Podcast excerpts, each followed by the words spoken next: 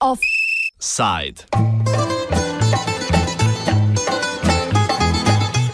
Temni oblaki nad sončnim kaninom.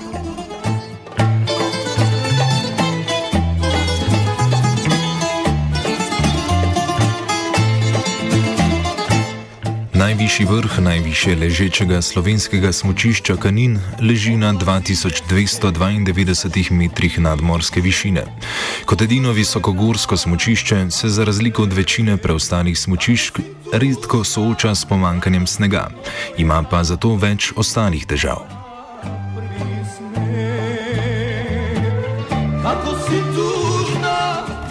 Bovske, bovške občinske svetnike je tako prejšnji teden presenetil podatek, da je javni zavod Sončni kanin, ki upravlja s kaninskim smočiščem, zadolžen za 160 tisoč evrov več, kot so bili predhodno obveščeni.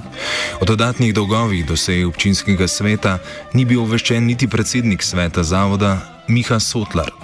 Finančna uprava Republike Slovenije je javnemu zavodu, ki je v 100-odstotni lasti občine, zaradi neplačanih prispevkov 15. januarja zamrznila račun. Javnemu zavodu je Furs naložil 100 tisoč evrov obveznosti, nastalih zaradi poslovanja zavoda s samostojnimi podjetniki, ki bi jih po zakonodaji moral zaposliti. Za te obveznosti so svetniki vedeli, niso pa vedeli za novo nastale obveznosti iz tekočih poslov, ki so neplačane ostale, predvsem zaradi slabe snežne snežne letine.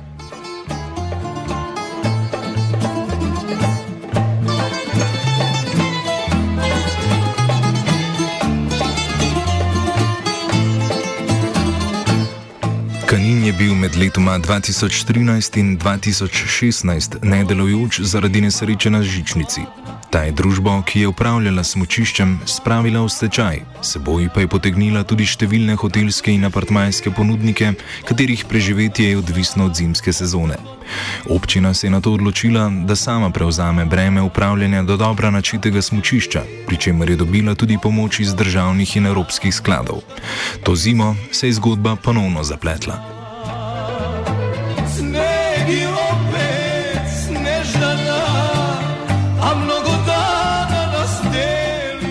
Občinski svetnik Adis Hrovat iz vrste SDS je zaradi domnevne netransparentnosti delovanja javnega zavoda na občinskem svetu predlagal ustanovitev preiskovalne komisije, ki bo pregledala poslovanje zavoda. Predlog so občinski svetniki podprli soglasno.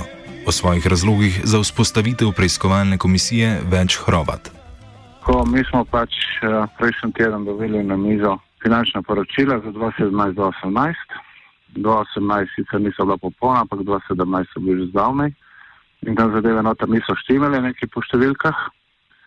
Ali se ne bi spuščal v to, ker nisem jaz nek ekspert na tem področju. Ampak glede na to, da pač vodstvo ni vedelo, za kaj se gre, se mi zdi to zelo nenavadno. E, govorimo od e, predsednika sveta zavoda. Se mi zdi zelo nenavadno, zato sem pa jaz predlagal, da se sestavi komisija, No, to mi je občinski svet potrdil.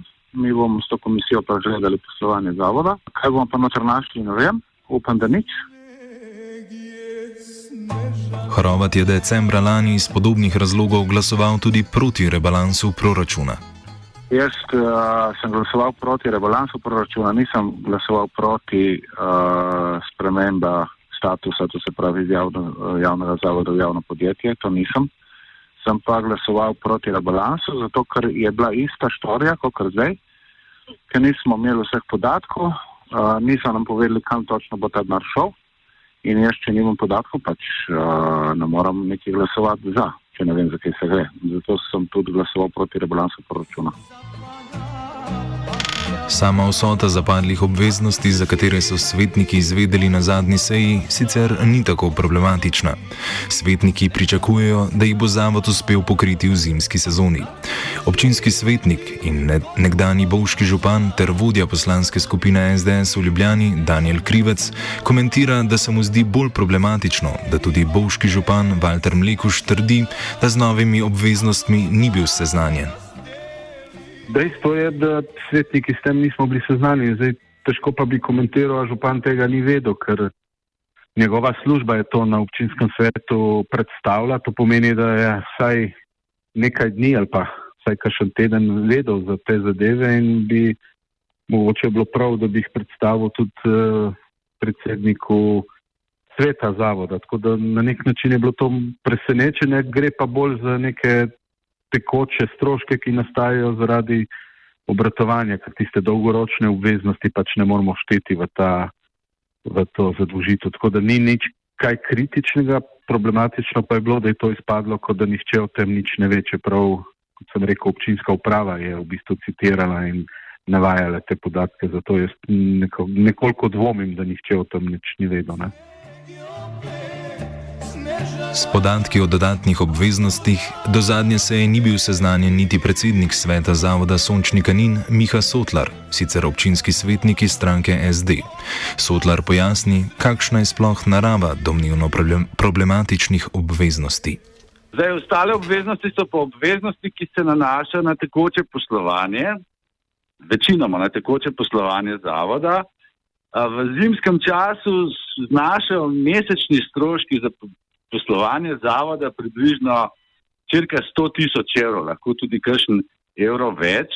Gre za obveznosti, ki se nanašajo na plačilo porabljene elektrike, na plače, na blago in uh, storitve, ki nam jih eh, zunani uh, izvajalci oziroma pogodbeni partnerji ponujajo, se pravi hrana, pijača, ki jo prodajamo in tako naprej. Tako da teh obveznosti je zdaj za 162 tisoč evrov, govorim po podatkih katerimi jaz razpolagam. V ta znesek je treba ušteti tudi, mislim, da 37 tisoč evrov za najemnino za Ratrak, eh, ki ga je javni zavod lansko leto najel za redno obratovanje. Ostanejo pa še, kolikor jaz vem, torej neizplačane plače, del neizplačanih plač v približni višini 30 tisoč evrov po podatkih, ki mi jih je sporočil eh, javni zavod. Pravi vsega skupaj 80 plus 162 plus 30. To je tisto, kar bi bilo treba v tem trenutku plačati, pri čemer sem jaz uh, napisal prošlo za odlog davčne izvržbe na FURS. V zvezi s tem mislim, da je imel danes eh, zjutraj tudi župan sestanek na FURS v Novi Gorici in sicer sem predlagal, da nam FURS odloči, odloži davčno izvržbo, dokler uh, Ministrstvo za finance ne odloči v naši pritožbi zoper davčno odločbo. V tem primeru bi se nam potem uh, TRR račun uh, javnega zavoda sprostil in bi šli prvi prelivi potem za plače zaposlenih. Občina Bovec se je pritožila na odločbo Finančne uprave Republike Slovenije, ki nalaga poplačilo 100 tisoč evrov obveznosti zaradi poslovanja s samostojnimi podjetniki in neplačevanja njihovih prispevkov. Prav tako so inšpektori na FURS ugotovili, da bi moral zavod ljudi, s katerimi je posloval kot samostojnimi podjetniki, zaposliti. Sotlar trdi, da zaradi narave dela na smočišču zavod pri tem ni imel izbire. Odločba FURSA se nanaša na samostojne podjetnike, ki, s katerimi je javni zavod posloval. Jaz sem že večkrat pojasnil, zakaj je bilo temu tako. Seveda pa je davčna inšpektorica ocenila, da bi morali biti ti samostojni podjetniki zaposleni. Ampak mi dejansko na trgu delovne sile nismo dobili ustrezen kader. Zato smo se poslužili samostojnih podjetnikov, kot se jih poslužuje praktično večina pravnih subjektov v slovenskem prostoru. Tako da eh, nekaj v odločbi FURSA sigurno drži, po moji oceni pa ne vse. Zdaj, seveda, eh, preiskovalna komisija bo pač presenila in ugotavljala dejansko stanje, verjetno vse izplačila, vse prihodke. Če bo potrebno, predvidevam, bo, bodo angažirali revizorja ustrezne stroke, ki bo potem na koncu podal popolno poročilo, kaj in kako.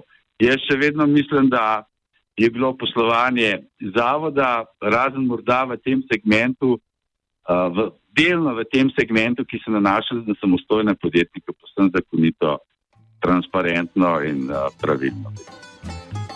Sotlar trdi, da z začetkom novega leta javni zavod Sončni Kanin ne posluje več s samostojnimi podjetniki in da je bilo teh tudi v preteklosti precej malo. Uh, od 1.1.2009 samostojnih podjetnikov v javnem zavodu nimamo več. Mi smo jih imeli na začetku, ko se je javni zavod ustanovil pet. pa še to ne za, za nedoločen čas, ampak za določen čas. In potem smo v teh dveh letih zmanjševali število, tako da smo imeli koncem preteklega leta še dva. Zdaj tudi ta dva nista več. Izjema je samo VD Marjan Skornišek, uh, vendar uh, zdaj smo imeli razpis koncem preteklega leta za novega direktorja, ki bi se v zavodu zaposlil in ne bi upravljal svoje delo preko SP-ja. Zaradi takšnih in podobnih zahtev, ki jih statut nalaga javnemu zavodu, so na občini decembra lani sprejeli odlog, da se javni zavod preoblikuje v javno podjetje. To bi omogočalo bolj fleksibilno zaposlovanje in pogodbe za določen čas.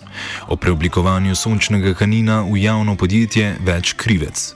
Glede preoblikovanja je bil v bistvu že preteklosti sklep na prejšnjem občinskem svetu, kakšno leto in pol nazaj, da se preoblikuje v javno podjetje, v eh, javno podjetje v 100-odstotni občinski lasti, ravno zato, da se izognemo tem težavam, ki bodo nastopile takrat, ko bo neka inšpekcija prišla in bo ugotovila, da v javnih zavodih pač nekatere stvari z uh, temi pogodbami za določen čas SP pač niso možne, čeprav uh, vsi vemo, da to v Sloveniji je normalna praksa in noben tega ne odpravi, dokler nima nekega nadzora, vendar smo se mi tega zavedali in to tudi pripravili, zato je bilo tudi že prvo branje pred novim letom o preoblikovanju javnega zavoda v javno podjetje v 100% lasti občine in v trenutku, ko bo to nastopilo, bo tudi nek presek stanja, neka otvoritvena bilanca, ki bo vse ta razmerja razrešila. Kot sem pa rekel, ne gre za neke večje obremenitve, ki ne bi bile možne pokritja samo iz naslova uh, poslovanja družbe, glede na to, da je zdaj sne, sneg padel in da je sezona še kar nekaj pred nami, je glede na podatke iz prejšnjih sezon v bistvu ta izpad prihodka možno vsekakor nadomestiti in z tega vidika ne vidimo nekih velikih zapletov. Sigurno bo pa poslovanje v javnem podjetju bistveno lažje, ker ne bomo zavezani tudi nekim eh, katalogom javnih uslužbencev in se bo v bistvu samo, samo zaposlovanje tudi prilagodilo dejanskim potrebam, ne pa izpolnjevanju nekih administrativnih pogojev, ki jih eh, javni zavod pač v tem primeru nalaga, nima pa primernih uh, delovnih mest, ki bi jih katalog opredeljeval ravno za smučišče kot tako oziroma za tako branžo. Preoblikovanje v javno podjetje bo omogočalo tudi zakonito poslovanje s samostojnimi podjetniki, ko bo to potrebno, povi Krivec. Lejte, predvsem je dejstvo, da ko bomo šli v javno podjetje, bomo lahko opredelili delovna mesta tako, kot jih dejansko rabimo. Še vedno pa bo možno tudi posamezna dela, ki so dejansko nekega zelo občasnega značanja, kot je ne vem, nek poseg trase in tako naprej izvajati tudi z SP, če bo to takrat pokazalo in bo ekonomsko upravičen.